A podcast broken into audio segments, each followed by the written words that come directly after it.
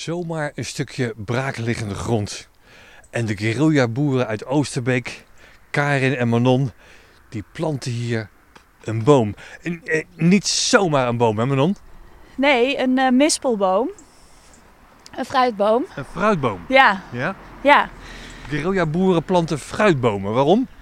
Dat klopt. Um, omdat, uh, nou ja, sowieso uh, is het heel goed voor de voedselzekerheid naar de toekomst toe.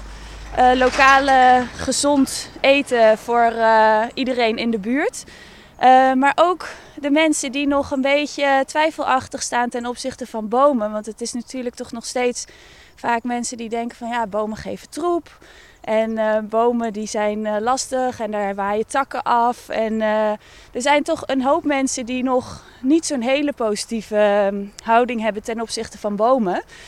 Um, maar fruitbomen hebben we allemaal nodig. Daar komt ons voedsel vandaan. En op die manier is het ook heel makkelijk om um, de noodzaak van uh, biodiversiteit en het stimuleren daarvan en het beschermen van de natuur uh, te bespreken met elkaar. Het voedsel is een heel mooi haakje daarvoor, want dat hebben we allemaal nodig. Je kan betwisten of je natuur nodig hebt.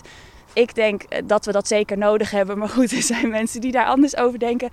Uh, maar eten hebben we allemaal nodig en dat is gewoon wat uh, een feit. Ja. ja. maar die nispelboom die je nu hier neerzet op een braakliggend stukje grond waarvan onduidelijk is van wie deze grond nou eigenlijk is en ook niet gebruikt wordt, ja, kan je die niet gewoon in je tuin zetten?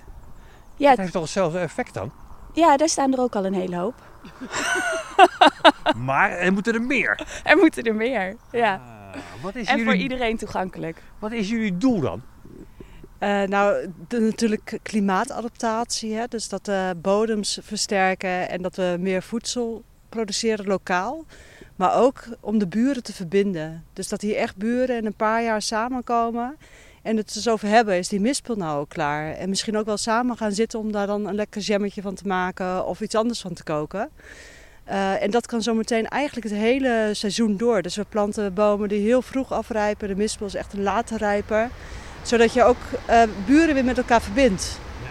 Dus het is niet alleen natuurverbetering wat jullie doen?